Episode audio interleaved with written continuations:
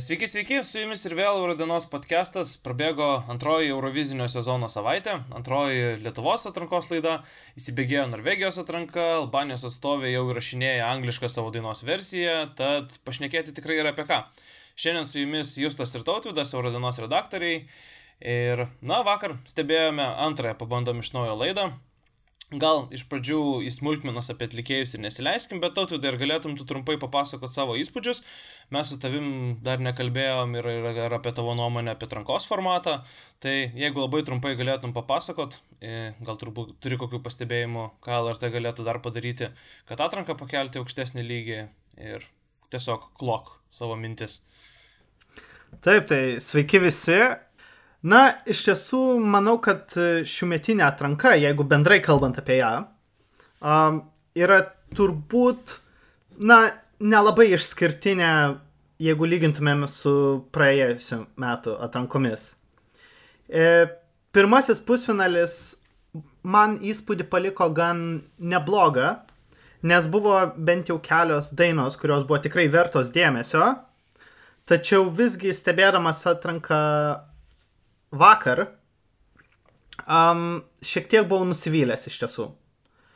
Nes pamačiau ir išgirdau vos kelias dainas, kurias norėčiau matyti, jeigu ne iš karto Eurovizijoje, tai bent jau mūsų atrankos finale. Ir turint omeny, jog tų dainų buvo net 12, tai galbūt norėjosi tikrai geresnės kokybės. Tai ar tu būtum už tai, kad LRT, sakykime, dar kažkokį didesnį filtrą padarytų ir dar daugiau dainų pramestų, sakykime, ten tam uždaram raunde ir jų iš vis televiziją nepraleistų? Na, tikrai taip. Jie atrinko 36 dainas, tačiau manau, net jeigu būtų kokios 24, tikrai jų užtektų. Tačiau manau, kad e, atrinkdami dainas LRT bandė padaryti kuo didesnę stilių įvairovę.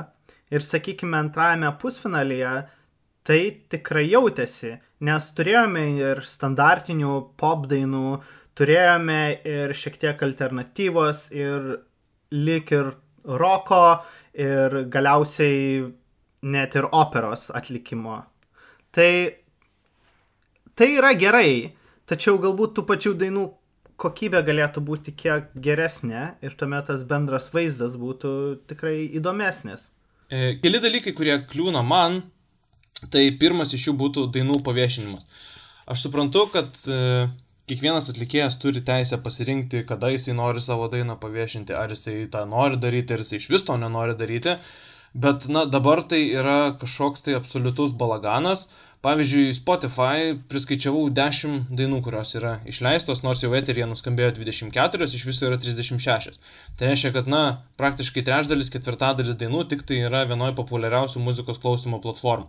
Tai aš būčiau už tai, kad reikėtų daryti arba kaip daro, sakykime, Latvijai, Estai, arba absoliuti dauguma kitų atrankų, tai kai dainos yra išleidžiamos vienu metu, tą pačią dieną, tą pačią minutę ir tai prideda, sakykime, tokio prideda atrankai populiarumo, konkurso gerbėjai dar neprasidėjus nei filmavimams, nei tiesioginiams laidoms jau diskutuoja, jau turi savo favoritus, jau pilnas Facebookas. Tokių nuotraukų su emoji reakcionais ir, ir, ir visi kviečia balsuoti už savo favoritus. Ir tai, na, tiesiog įtraukia Eurovizijos gerbėjus labiau, na, arba eiti tuo tokiu griežtesniu galbūt keliu, kaip daro švedai per Melody festivalio atranką, kai populiariausiose platformose apskritai negali išgirsti tų dainų, kurios pateko į finalinį etapą ir visos jos yra paviešinamos tik tada, kada nuskamba paskutinė daina paskutinėme atrankinėme ture, na ir tada visiems vienodai e, tuo pačiu metu visos dainos yra paviešinamos. O antras dalykas, prie ko irgi labai noriu prikipti ir kas mane erzina iš tikrųjų jau kilintus metus iš eilės, tai kaip LRT smarkiai vėluoja į YouTube sukelti atrankos įrašus. Pavyzdžiui, 2017 metų finalo įrašų apskritai dar jie na, nėra sukelti ir vargu ar kada nors bus sukelti.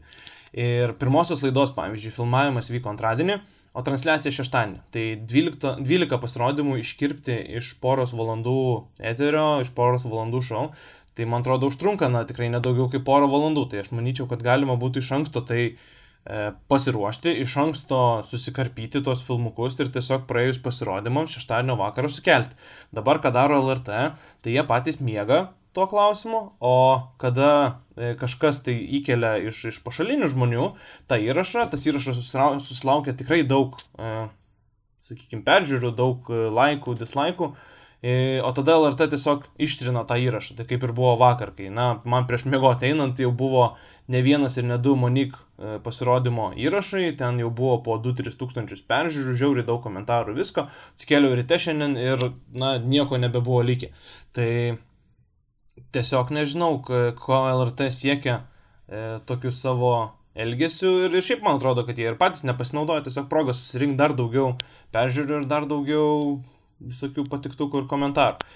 Tai manau, nesunkiai galima būtų tai pataisyti ir atranka mūsų pakiltų dar aukštesnį lygį. Bet gal tada apie formatą nebekalbam, o perinam būtent prie jau pačios laidos vakarykštės. Tai tu minėjai, kad per šitą laidą, e, antroji pabandom iš naujo laida buvo silpnesnė už pirmą ir aš visiškai su tavim sutinku. Tai jeigu pirmoje dalyje aš džiaugiausi realiai visais šešiais atlikėjais, kurie pateko į finalą, Tai vakar aš pagavau save galvojantį, kad apskritai turbūt iš, iš tos vakarykštės laidos aš tik tai du pasirodymus gal norėčiau matyti finale. Na, labai pasistengęs ir truputėlį pritempęs gal keturis.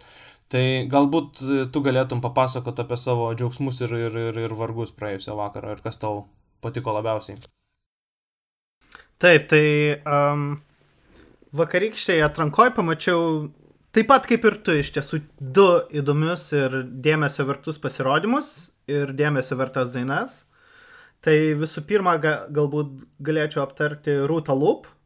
Tai kalbant apie Rūtos Lup pasirodymą, vienas e, geriausių dalykų, mano nuomonė, buvo tai, jog atlikėja skambėjo iš tiesų švariai, stabiliai ir dabar yra gan dažna situacija, jog savo pasirodymo metu, sakykime, energingesnės dainas atliekančios atlikėjos ar atlikėjai, na, tai daro iš tiesų labai, sakykime, vokalinės prasmės sąskaitą. Rūtos lūp vokalas skambėjo iš tiesų labai puikiai ir, ir man tai padarė gan didelį įspūdį. Um, pati daina yra labai nesunkiai įsimenanti, kadangi pasibaigus vakarykščiai transliacijai na, aš jau galėjau paniuniuoti tą dainą ir, ir tikrai paliko gan gerą įspūdį. Iš kitos pusės, um, manyčiau, kad dainos tekstas yra abejotinos vertės, jeigu taip galima išsireikšti. Tačiau visgi galbūt labai neprisikabinčiau prie to teksto, kadangi įspūdį darė kiti dalykai šioje dainoje. Ir, na, kaip jau minėjau, tai tikrai buvo labai geras atidarimas Ir labai džiaugiausi, kad na, ši daina pateko į kitą etapą. Tiesa, žiūrovų palaikymas nebuvo labai didelis, tačiau esu gan pozityviai nusiteikęs dėl Rūtos lūp šansų, na, bent jau tikrai pasirodyti atrankos finale. Bet tai yra vienas iš tų pasirodymų ir daina, kurią, na, įsivaizduočiau Euroviziniai scenai. Ok, kalbant apie žiūrovų palaikymą, iš karto toks labai įdomus pastebėjimas, tai galiu pasakyti, kad e, žiūrovų e, balsavimo lenteliai Tiusom surinko 517 balsų, e, Rūta 523, o dar vienas atlikėjas, kuris irgi labai netoli šito rezultato buvo, tai yra Alenčiko su 522 E, balsais. Tai Rūta Allen aplenkė vienu balsu ir Tusom aplenkė šešiais balsais. Tai na, skirtumas yra tikrai labai labai nedidelis, bet jeigu perinant jau prie pačio Rūtos pasirodymo, prie Rūtos dainos, tai man irgi jinai e, buvo viena iš dviejų favoričių, kaip jeigu mes taip ir kalbėjom, kad galim išskirti turbūt du ryškiausius pasirodymus, tai man nebuvo pats ryškiausias ir pats geriausias, bet e, tvirtai Rūta įsitaisė mano topo antroje vietoje pasirodymas visiškai nušlifuotas, iščiustytas ir turbūt nebūtų gėda jį ir, ir, ir Rotterdame matyti tokį, koks jisai buvo vakar. Ir daina turi labai gerą tą e, įsimenančią melodiją. E, aš vos nepadariau dabar to garso iš priedainio, tai, bet gal ne, nekankinsim klausytojų su e, savo interpretacijom. Bet visgi man pačioj dainoj trūksta kažkokio tai kabliuko. Jis turi įsimenančią melodiją, bet kažkas yra ne iki galo. Galbūt jinai šiek tiek yra per daug tokia švediška, per daug tokia na, pop daina be kažkokio tai etninio motyvo, ar kažko, kas ją išskirtų smarkiai iš kitų dainų. E, nors dainos struktūra yra pakankamai aiški, pakankamai tokia ir, ir, ir sakyčiau, įprasta. E, yra toks augimas, pabaigoje sproksta, pabaigoje šokis tas ir, ir, ir, ir viskas kaip ir tvarkoj, viskas kaip ir gerai, bet na, iki galo manęs šimtų procentų neužkabino, bet aš tikrai nebejoju, kad Rūta su šita daina ir su šitu pasirodymu tikrai pateks, na, jau pateko į pusfinalį, beveik nebejoju, kad pateks ir finalą. E, gaus pakankamai nemažai dėmesio, pritrauks naujų gerbėjų ir, ir, aš manau, kad e, tikrai šita atranka jai išeis į naudą. Kalbant apie mano favoritę, tai mano favoritė vakaro buvo Monik. Ne tik vakar, bet ir prisiminus pirmąją laidą, e, aš manau, kad e, Monik visus atlikėjus lenkia turbūt penkiom galvom. Apskritai po pirmo dainos paklausimo, filmavimo metu studijoje, tai man jau tada e, iš karto atrodė, kad daina yra labai labai verta dėmesio ir tikrai labai rimta paraiška atstovauti Lietuvai. Nors šiaip aš esu iš tų žmonių, kur e, dažniausiai po pirmo klausimo dainų neįsimyliu ir, ir, ir, ir jos man, na, reikia gal išgirsti bent keletą kartų, kad pilnai suprasčiau, kiek daina man patinka. Tai kai antrą kartą išgirdau e, Monik dainą labam ryte šeštadienį, tai, na, praktiškai kilo šovė iškart mintis į galvą, kad, na, gal tiesiog uždarom šitą reikalą, siunčiam savo ramiai Monik į Euroviziją. Tik tai, mm, vakare jau žiūrint tą pasirodymą, jau nebe per labą rytą, tai man dar viena tokia mintis išmėstelė, kad labam ryte tas pasirodymas jisai buvo geresnis. E, vakare, kai Monika pasirodė pačioje Eurovizijos atrankoje, man žiauriai patiko pirmą minutę, man labai patiko, kai Monika buvo visa mėlynos spalvos, už jos ten kilo tas raudonas apvalus toks, kaip nežinau, kaip saulė per užtemimą. E, labai patiko iki pat tos vietos, kur buvo tas toks žemo dažnio garsas ir, ir Monikis ištiestom rankom. O paskui pasirodymas man šiek tiek taip kaip ir nusivažiavo žemyn, man buvo truputėlį per daug šokio, per daug e, bandymo užpildyti visą sceną, kai, sakykime, to pačio labo ryto pasirodyme visas absoliučiai dėmesys buvo suteltas į Monik, jinai tiesiog stovėjo, dainavo, kameros filmavo ją iš arti beveik visą laiką ir, ir tai atrodė žymiai efektyviau negu kad e, vakare. Tai kalbant apie Monik, e, na iš tiesų dėl daugybės dalykų, kuriuos tu paminėjai, aš tikrai galėčiau visiškai sutikti. Um, Monik be abejonės yra viena iš ryškiausių atrankos dalyvių ir, ir jos daina yra tikrai verta dėmesio. Visgi aš nesu toks tikras, kad jau dabar, kai, kaip tu minėjai, uždaryčiau visą šį reikalą ir siūščiau ją į Rotterdamą. Viena iš priežasčių būtų todėl, kad, e, kaip tu ir minėjai, vėlgi tas pasirodymas lyg ir netrodo iki galo užbaigtas. Aš taip pat e, turėjau progą pastebėti ir e, jos pasirodymą labame ryte, tai tikrai sutinku, kad tas, sakykime, galbūt intimesnis pasirodymo filmavimas e, tikrai padėtų užmėgsti daug gilesnį kontaktą su žiūrovu. Kas, na, iš tiesų yra labai svarbu. Ir ypač atliekant sentimentales, e, jautres dainas, manau, kad tas kontaktas yra tiesiog būtinas. Kitas dalykas, po ko pasigėdau dainoje Make Me Human, tai yra stipresnės aranžuotės. Man norėtųsi, kad, na, tai būtų dar galingesnė daina. Taip, tai yra jautri, sentimentali, tačiau joje tikrai yra jėgos. Ir norėčiau, kad ne tik per Monik vokalą, bet ir per pačią aranžuotę tai labiau atsiskleistų. E, kalbant apie aranžuotę, tai žinok, čia mano yra visiškai padaryta tokia išvada, aš tikrai nesu tikras, ar, ar yra būtent taip, kaip aš galvoju, bet ta daina yra niekur nepaviešinta viešai, nei Spotify, nei YouTube, taip tiksliau ne viešai, bet, na, ne vakarykštis tas pasirodymas, o studijinis įrašas. Tai aš kažkur giliai pasąmonį tikiu, kad galbūt jinai dar yra pilnai nepabaigta ir būtent dėl to jos ir, ir, ir nematome populiariausiose muzikos klausimo platformose. Na bet vėlgi, kai atlikėjai siunčia savo dainas į Euroviziją, na tikrai norėtųsi, kad tai būtų jau užbaigtas produktas. Ir taip, tai nebūtų pirmas ir ne paskutinis kartas turbūt, kai atlikėjai dar keičia gan stipriai savo dainas e, atrankos metu. Na, Eurovizijoje matome situacijų, kuomet absoliučiai yra keičiama daina ir po atrankos. Tačiau visgi norėtųsi, kad galėtume išgirsti ir įvertinti būtent tą galutinį produktą. Tai tavo teorija, na, yra tikrai galima, tačiau, na, visgi norėčiau, kad atlikėjai vengtų tokių dalykų. Ir visgi į atranką žiūrėtų daug atsakingiau, kadangi, taip, sakykime, atlikėja Monik, na, turbūt niekas neįsivaizduotų jos nepatenkant į pusfinalius ir, ir panašiai.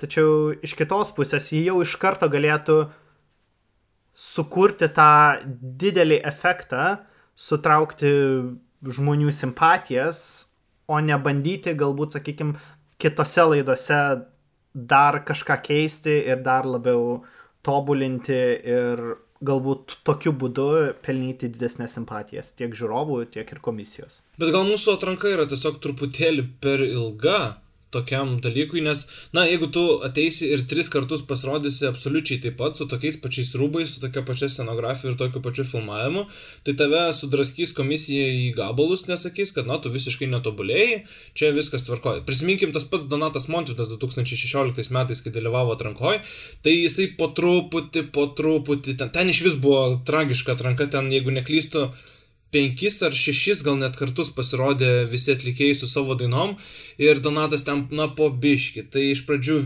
be šoliuko pasirodė, paskui su tokiu lengvesniu šoliuku pradėjo mus ten taip judinti ir truputėlį mes pradėjom jau žiūrėti, kad gal čia visai ir, ir, ir įdomus pasirodymas ir galiausiai per, per, man atrodo, tik tai finaliai jisai jau atliko jau tą pilną suktuką ir, ir, ir jau pilnai tenai nunešė stogą. Tai ir nemanai, kad čia yra mūsų atrankos problema truputėlį? Na taip, dėl to aš tikrai galiu sutikti, bet tai jau yra mūsų atrankos problema.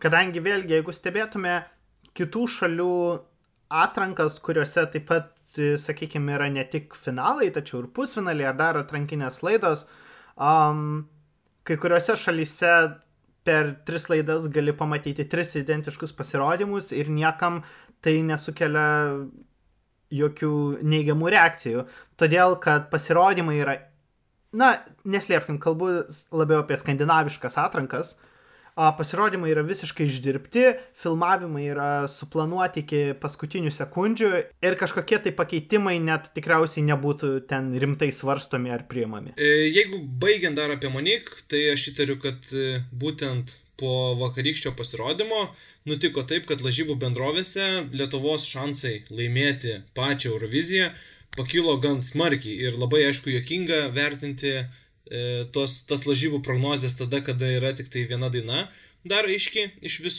viso konkurso. Bet, na, tas šuolis Lietuvos iš 32 į 22 poziciją, man atrodo, yra visai ryškus ir visai galbūt parodo, kad, na, net ir užsienyje žurnalistai, Eurovizijos gerbėjai pakankamai neblogai vertina Monik šansus. Bet gerai, e, pereinam tada prie kitų dalyvių. Mes kaip ir sutarėm visiškai dėl savo top dvietuko. Ar buvo dar kažkas, kas tau patiko, apie ką norėtum pakalbėti?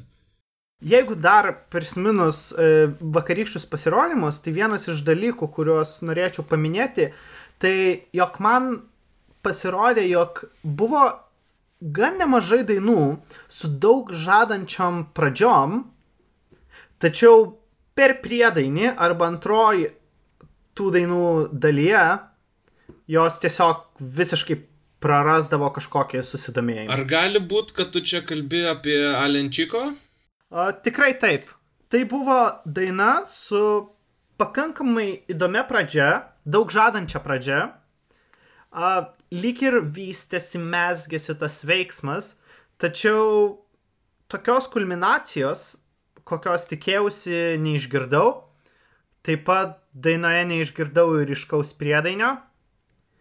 Ir, sakykime, galbūt Eurovizijoje galėtumėme atrasti tų pavyzdžių, kuomet dainos be, sakykime, ryškesnių priedainių arba tas, kurias, na, tikrai būtų labai sunku paniuniuoti išgirdus, uh, užimdavo aukštas vietas, tačiau manau, jog bent jau vakarykštis Alenčiko pasirodymas buvo tikrai gan nuvilintis ir ypač nuvilė būtent išgirdus tą gan tikrai daug žadančią kūrinio pradžią.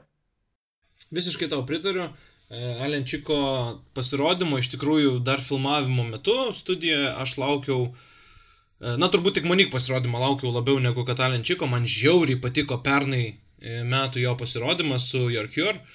Tai aš pernai metais aš Alenčiko būčiau turbūt atrankoje davęs kokią antrą, trečią vietą. Man tas pasirodymas nunešė stogą, ypač tas kontrastas su tautiniais rūbais ir, ir, ir tokia angliška daina. E, kitos odos spalvos šokėjai, na tai buvo kažkas tai kosmiško ir buvo žiauriai gerai.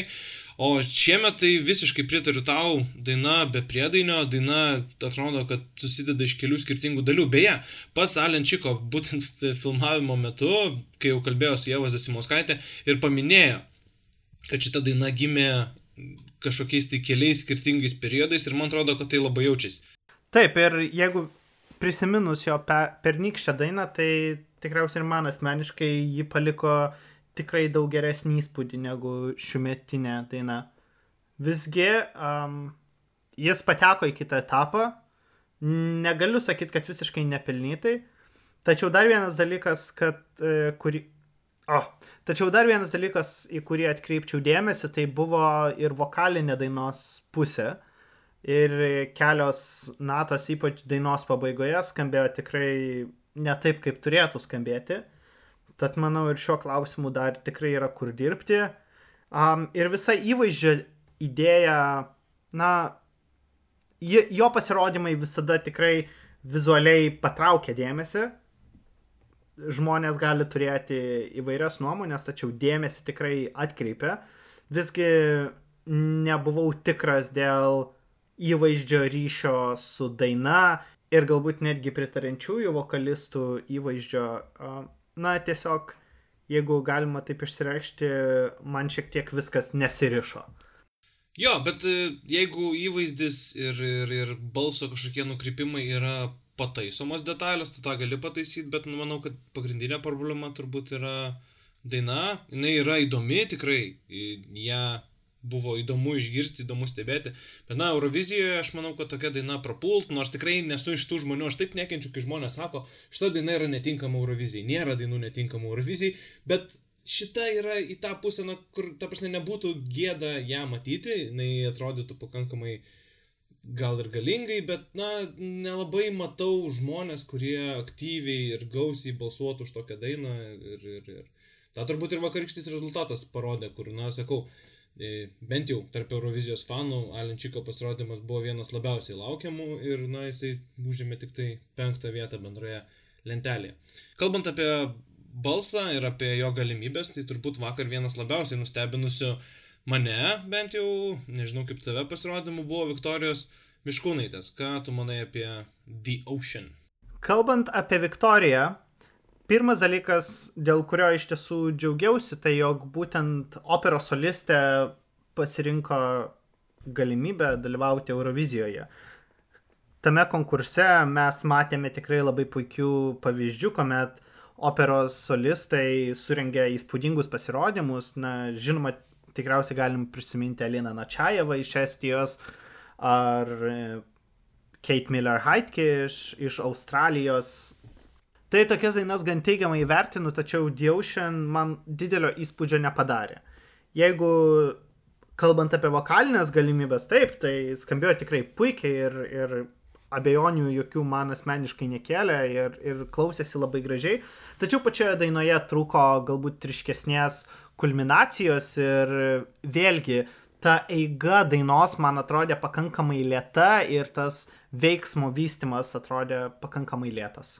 Aš to visiškai pritariu. Aš manau, kad iš vokalinės pusės šitas pasirodymas buvo labai geras. Tiesa, vienas dalykas, ko nepaminėjai ir, ir, ir ko, ką galėčiau aš pridėti, tai yra angliška tartis Viktorijos, apie tai kalbėjo ir komisija. Na, čia buvo vienas turbūt baisesnių atvejų. Aš nebent ką, ką galiu prisiminti, turbūt kaip pirmą kartą 2016 metais Aistė Pilvilytė dainavo You Bet. Ir ten tokių tarimo klaidų tragiškų buvo, kur, na, vietomis absoliučiai nebuvo įmanoma suprasti, ką Aistė dainuoja, tai lygiai taip pat jaučiausi ir Viktorijos pasirodymą žiūrėdamas. Bet man patiko e, būtent jos vokalas, tu sakai, truko kulminacijos, man gal visai kaip tik ir patiko kulminacija, man gal truputėlį ta daina lietokai prasidėjo, Bet, na, vėlgi, e, kaip jau tu ir sakei, matėme Eurovizijoje ypač pastaraisiais metais ne vieną nuostabų e, pasirodymą, kuriuos atliko puikios operos solistės. Ar Viktorija yra toks žmogus, kuris ryštusi kažkokiam tai crazy dalykui, kuris įsirėžtų Eurovizijos gerbėjams į atmintį? Aš šiek tiek abejoju, O ar užtektų tiesiog taip atsistoti, gražiai, tvarkingai atlikti operinę dainą po tokių būtent e, tavo minėtų Estijos ir Australijos pasirodymų, tai aš manau, kad jau nieko absoliučiai tai Eurovizijoje nebenustebintų. Kitas dalykas, visai nustebinęs mane, gal jau sakykime nebe iš pasirodymų, mes būtent jau aptarėm tos visus keturis pasirodymus, kur aš minėjau, kad turiu du ryškius vakaro favoritus ir, ir dar du pasirodymus galėčiau pritempti E, kažkaip prie to geriausių ketvirtuko, tai būtent ir buvo Rūta, Monik, e, Alen ir Viktorija. Kitas dalykas, apie ką būtų turbūt įdomu pašnekėti, tai yra Kristinos Jūrė fenomenas ir tai, kad e, jai pavyko laimėti žiūrovų balsavimą, nors komisijos lentelėje jinai liko tik tai penktoje vietoje. Kaip tu manai? Internete realiai tiek mūsų Facebook'o puslapyje, kur mes įkeliam dviejų atlikėjų uh, nuotraukas ir prašom žmonių pasirinkti kažkurį emoji ir sureaguoti e, į tą pasirodymą. Tiek tenai Kristina Jūrė pralaimėjo netalenčiko, tiek apskritai nelabai, kur komentaruose matėsi stipraus palaikymo dainai My Sound of Silence. Ar tu manai, kad e, čia buvo taip, kad uh, už ją balsavo tie žmonės, kurie galbūt nesėdi internete ir, ir, ir na, konkrečiai kalbu turbūt apie vyresnius žmonės, kuriems galbūt galėjo patikti šita daina, ar tu labiau būtum linkęs manyti, kad čia yra kažkokios tai juodosios technologijos. Ir na, nesinori tikrai kaltinti nieko neturint įrodymų, bet man būtent toks įspūdis ir susidaro, kad čia greičiausiai buvo įvelta labai daug SIM kortelių. Taip, tai kalbant apie Kristiną Jūrę ir jos fenomeną vakarykščiame balsavime, um, matau kelias problemas. Visų pirma, tai mūsų atranka nesulaukia didelio žiūrovų dėmesio. Nes jau antrą laidą užtenka vos tūkstančio balsų, na, šiek tiek daugiau nei tūkstančio. Monika Marija prieš savaitę turėjo 1006 balsus, e, vakar Kristina Jūrė turėjo 1071 balsą. Tai, na, sakykime, tas susidomėjimas ir balsų kiekis tikrai nėra didelis. Ir žinoma, kai nedaug žmonių atiduoda savo balsus, daug lengviau tais rezultatais, na, sakykime, manipuliuoti. Ir ar tai galima vadinti juodosiomis technologijomis, na, nesu tikras, kadangi, žinoma, ne visi balsavę žmonės yra tie, kurie sėdi e, socialinėse tinkluose, reiškia savo nuomonę, tai gali būti galbūt, sakykime, platesnis Lietuvos atspindys. Ir jos daina, na, ne, tai buvo labai tipinė Eurovizinė daina, ką, man atrodo, pastebėjo ir Darius Užkuraitis komentuodamas šį kūrinį. Tai aš visiškai nenustepčiau, jeigu tai galbūt ir buvo standartinė daina, kuri ir patiko nemažam žiūrovų skaičiui. Iš kitos pusės, na, mane galbūt labiau netgi nustebino tai, kad Monik nelaimėjo žiūrovų balsavimo ir sulaukė vos 851 balso. Tai yra viena populiariausių Lietuvos scenos žvaigždžių šiuo metu. Na ir tai yra tikrai pakankamai kuklus rezultatas, sakykime. Tačiau tokie dalykai kaip, e, sakykime, SIM kortelės ir panašiai, na, ir anksčiau tokie, tokie dalykai buvo naudojami ir galbūt ne visada pastebimi, bet iš kitos pusės manau, jog LRT tikrai turėtų stengtis dar labiau sudominti žiūrovus atranką. Ir būtent pokalbio pradžioje tu minėjai kelis būdus, kaip tai galima būtų padaryti, tai ir keliant pasirodymus greičiau ir galbūt dainas išleidžiant vienu metu. Na ir tuomet, žinoma, tas susidomėjimas bus didelis, bus atiduodama daug daugiau balsų ir galbūt, sakykime, jie tikrai daug labiau atspindės tikrasias žiūrovų simpatijas. Man labai yra įdomu, kai LRT tokiuose, sakykime, vietinės reikšmės konkursuose, e, dabar konkretaus pavyzdžio nepasakysiu, bet taip tikrai yra buvę ne kartą, ne du ir ne tris, e, leidžia žiūrovams balsuoti visiškai nemokamai, po vieną ar berots po du kartus, o tokiam, na, nesinori kažkaip irgi, e, nesinori iškelti taip Eurovizijos čia visiems žmonėms, kad jinai yra tokia svarbi, kaip e, galbūt yra man svarbi, bet vis tiek tokiam renginyje, kur mes renkam atstovą Lietuvai, e, kuris keliaus jau į tarptautinį ringą atstovauti būtent šaliai, yra kitokios visiškai sąlygos. Ir tas balsas kainuoja 60 centų, tai aš manau, kad e, nemaža dalis žmonių natūraliai supranta, kad Monik yra pakankamai gera, kad patektų į kitą etapą savaime. Iš kitos pusės, toks mąstymas visada gali privesti prie labai nesmagių dalykų. Ir gali būti, kad e, tokiais atvejais e, tiesiog kažkoks favoritas galbūt net ir nepatektų į kitus etapus ar, ar neišvažiuotų į, į pačią Euroviziją. Tai visiškai pritariu tau toje vietoje, kad na, reikėtų tikrai LRT susirūpinti ir kažkaip kelti tą žiūrovo aktyvumą, įtraukti juos kažkaip į balsavimą, kad, na, ne, kad, kad kiekvienas žmogus turintis favoritą galėtų drąsiai tiesiog atiduoti savo balsą, galbūt e, įtraukiant ir internetinį balsavimą, bet vėlgi yra kiti niuansai, čia irgi labai paprasta yra keisti IP adresus ir balsuoti šimtą kartų už tą patį atlikėją, bet man tai asmeniškai turbūt labiausiai patiktų toks variantas būtent kaip nemokamas balsavimas, kada galima savo tiesiog poziciją išreikšti nemokamai, pavyzdžiui, vieną kartą, e, o, na, nežinau, ar tai yra technologiškai manoma padaryti, kur vieną kartą gali išreikšti nemokamai, o dar, sakykime, keturis kartus gali balsuoti jau ten mokėdamas pinigus. Tai tai paskatintų didesnę dalį žmonių tiesiog balsuoti, o ir, ir tada jau nebeužtektų tiems atlikėjams, kurie pakankamai desperatiškai nori pasirodyti gerų laikų eteryje kuo daugiau kartų jiems tada nebūtų taip lengva e, nusipirkti tą savo vietą. Bet na, tikrai nesinori kaltinti Kristinos tuo, kam, kam neturim e, jokių įrodymų, tiesiog mačiau tokius ir, ir tokias diskusijas ir internete, tai tiesiog buvo įdomu apie tai pasvarstyti. Na ir paskutinis žmogus, kurio mes nepaminėjom ir kurį dar matysim kitose atrankos etapuose, tai yra Germanas Koris. Ar tu turėtum kažką pasakyti apie jo pasirodymą, ar, ar manai, kad jisai buvo vertas patekti į finalą, galbūt buvo kažkas kitas vertesnis žengti į pusfinalį? Na, Germanto pasirodymas buvo vienas iš tų pasirodymų, kuris ėjo, praėjo, aš jo nelabai atsimenu. Ir jis pateko į kitą etapą, tikriausiai susikloščius palankiai situacijai, tačiau, na, jokio įspūdžio man jisai tikrai asmeniškai nepaliko. Na, aš tiesiog eilinį kartą, kad ir kaip būtų keista, mes šiaip labai dažnai su tautvidu nesutariam euroviziniais klausimais, bet man tiesiog belieka tau pritarti, aš irgi tiesiog manau, kad nelabai gal buvo vertesnių pasirodymų žengti kitą etapą ir tiesiog Germanas pateko į greičiausiai pusfinalyje liks lentelės dugne ir, ir čia eurovizinė kelionė baigsis. Gerai, Tai jeigu iš vakarykštės laidos nelabai turim e, ką pridėti, galim pereiti prie tarptautinės arenos. E, užbėgdamas klausytojams už akių šitoje vietoje noriu paminėti, kad dėja, bet podcastuose negalima naudoti jokių muzikinių interpų ir mes negalime jums e, paleisti įrašo dainos, apie kurią kalbame. Todėl visas nuorodas apie tos pasirodymus, apie kuriuos mes kalbėsim, jūs rasite podcast'o aprašymę ir mūsų puslapyje eurodiena.lt.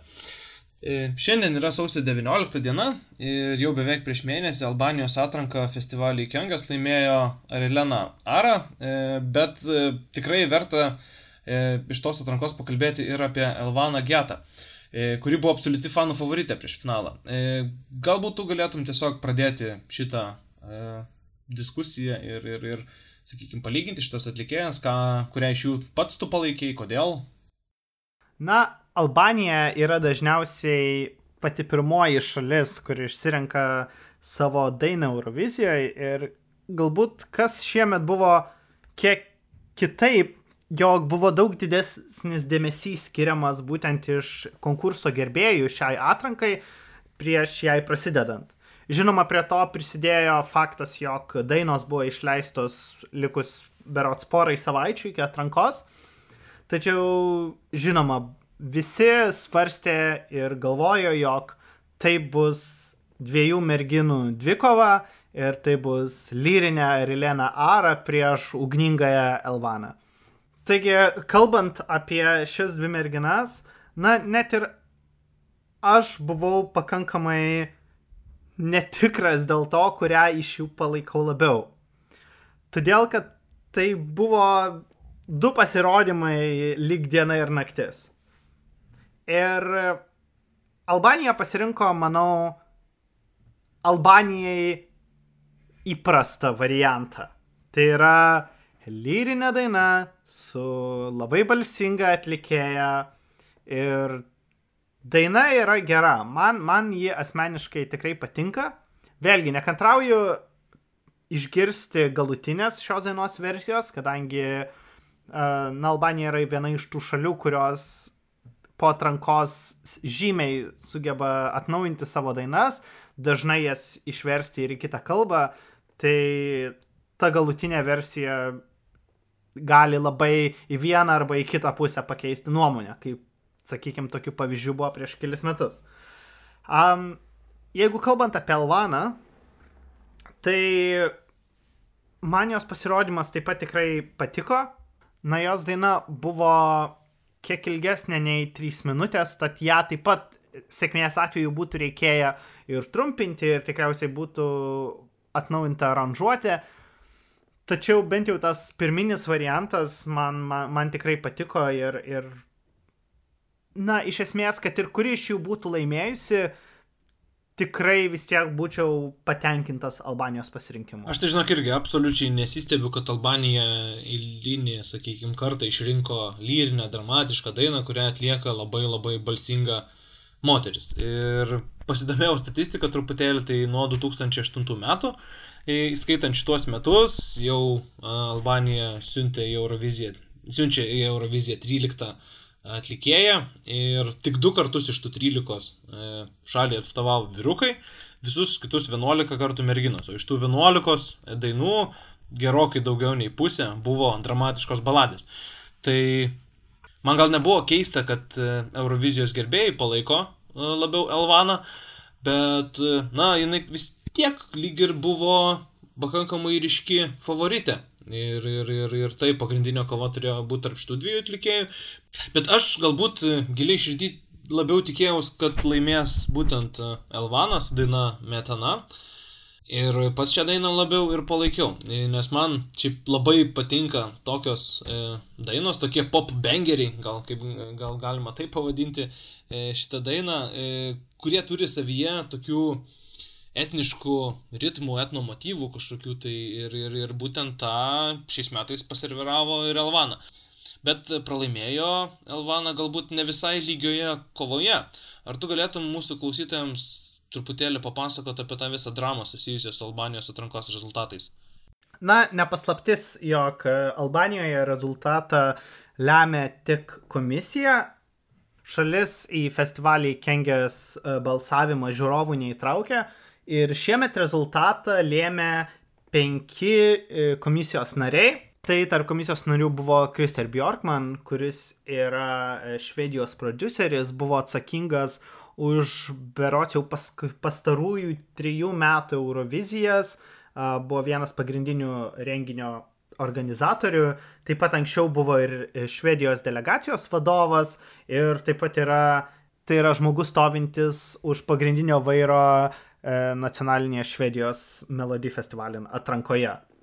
Kitas komisijos narys buvo Dmitris Kontopoulos, kuris yra e, graikijos kompozitorius, e, atsakingas už nemažai e, pastarųjų metų Eurovizinių kūrinių. Ir trečiasis komisijos narys e, buvo Felix Bergson, kuris yra e, Islandijos e, delegacijos vadovas Eurovizijoje. Na ir likę du komisijos nariai, kaip jau ir minėjau, buvo iš Albanijos, tai buvo e, Mikaela Minga ir Rita Petro. Šie penki žmonės buvo atsakingi už, už rezultatus ir jie balsavo, skirdami savo taškus būtent e, atrankoje dalyvavusiam dainom.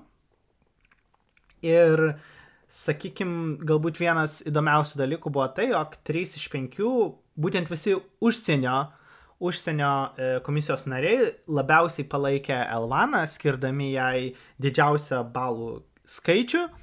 Tai Albanijos e, komisijos nariai Elvanai atitinkamai skiria vos 11 ir 5 vietas ir bendroje tų rezultatų sumoje būtent ta 11 vieta labai stipriai jai pakenkė ir prisidėjo prie to, jog bendroje lentelėje pirmą vietą užėmė ir Lena Ara, kuris, sakykime, skirtingų komisijos narių balsavimuose užėmė pirmą, antrą, antrą, antrą ir trečią vietas. Tai sakykime, na, ji buvo lik ir viena iš favoričių, tačiau, tačiau vos vienas komisijos narys ją matė kaip, kaip didžiausią favoritę.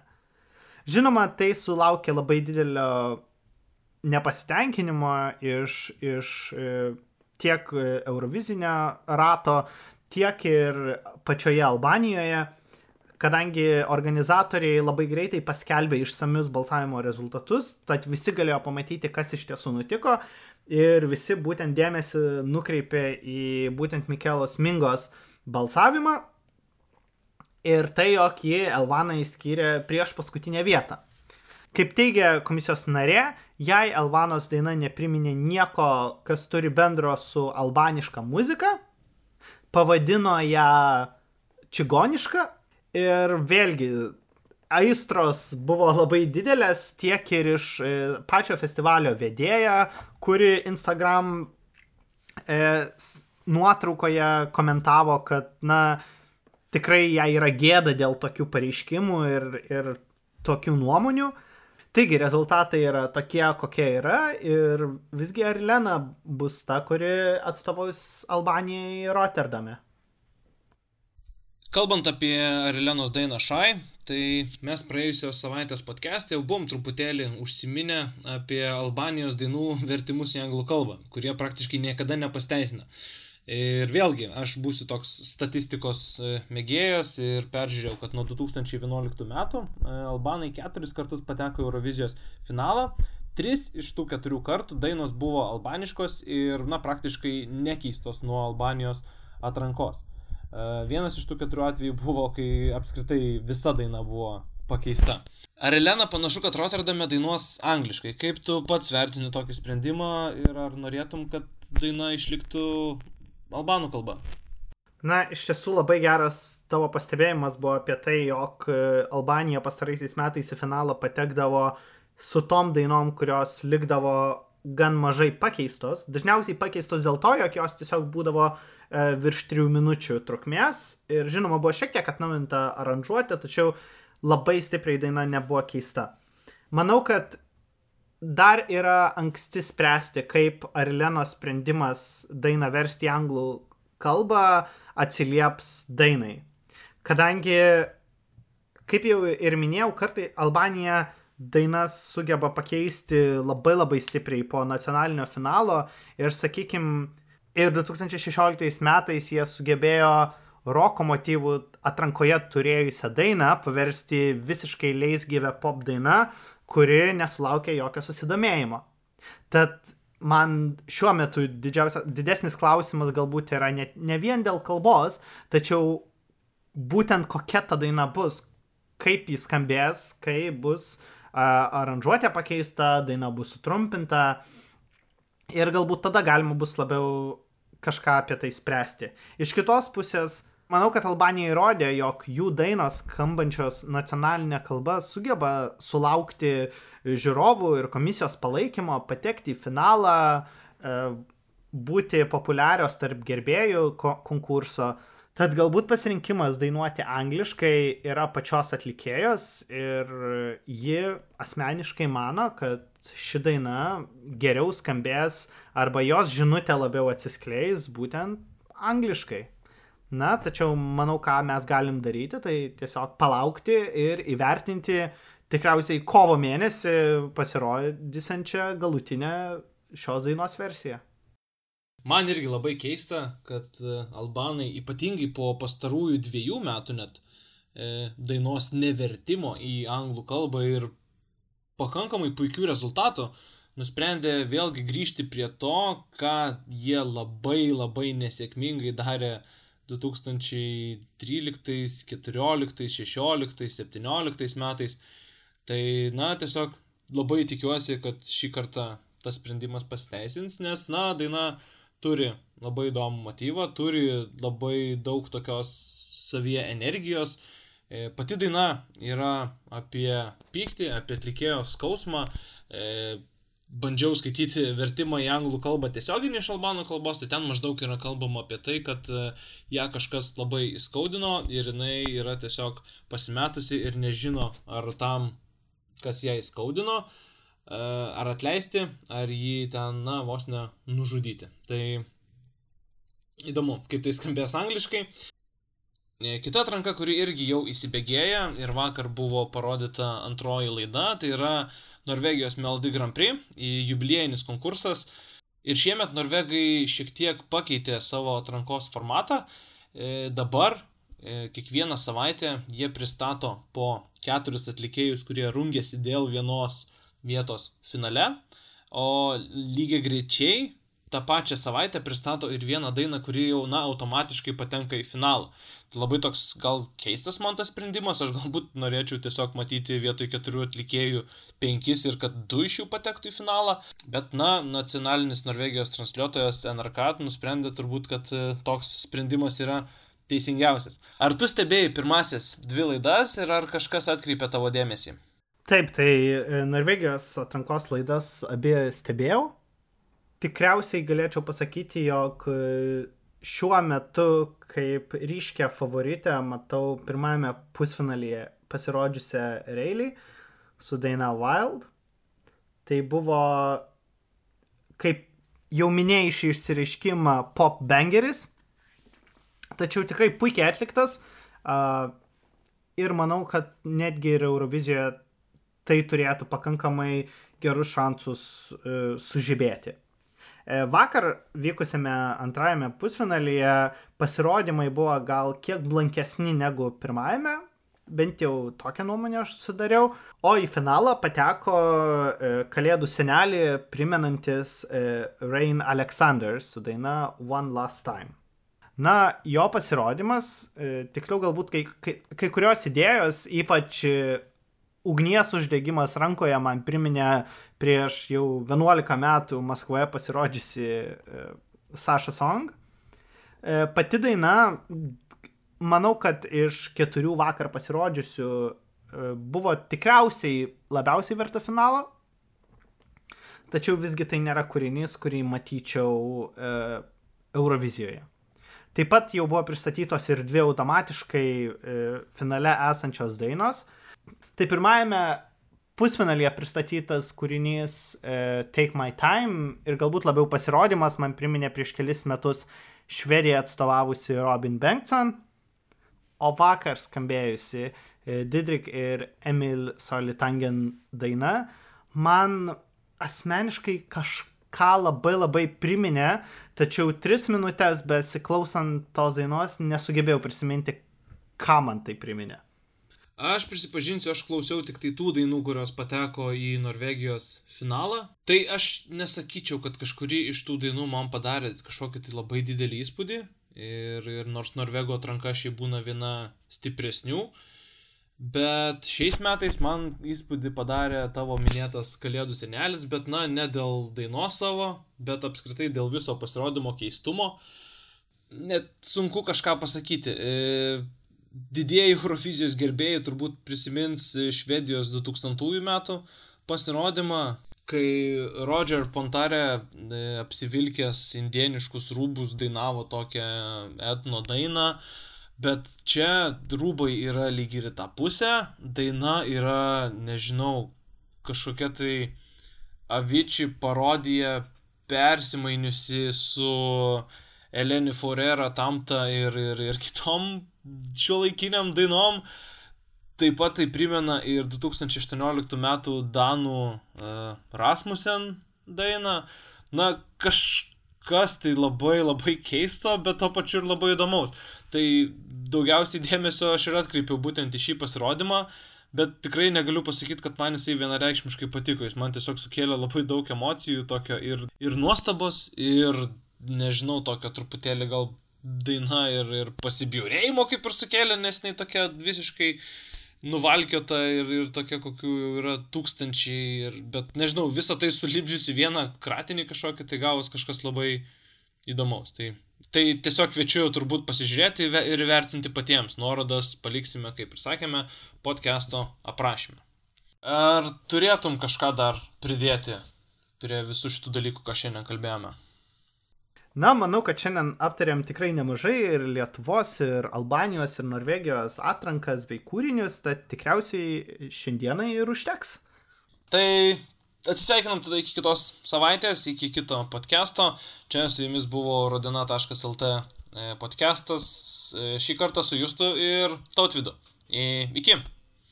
Iki.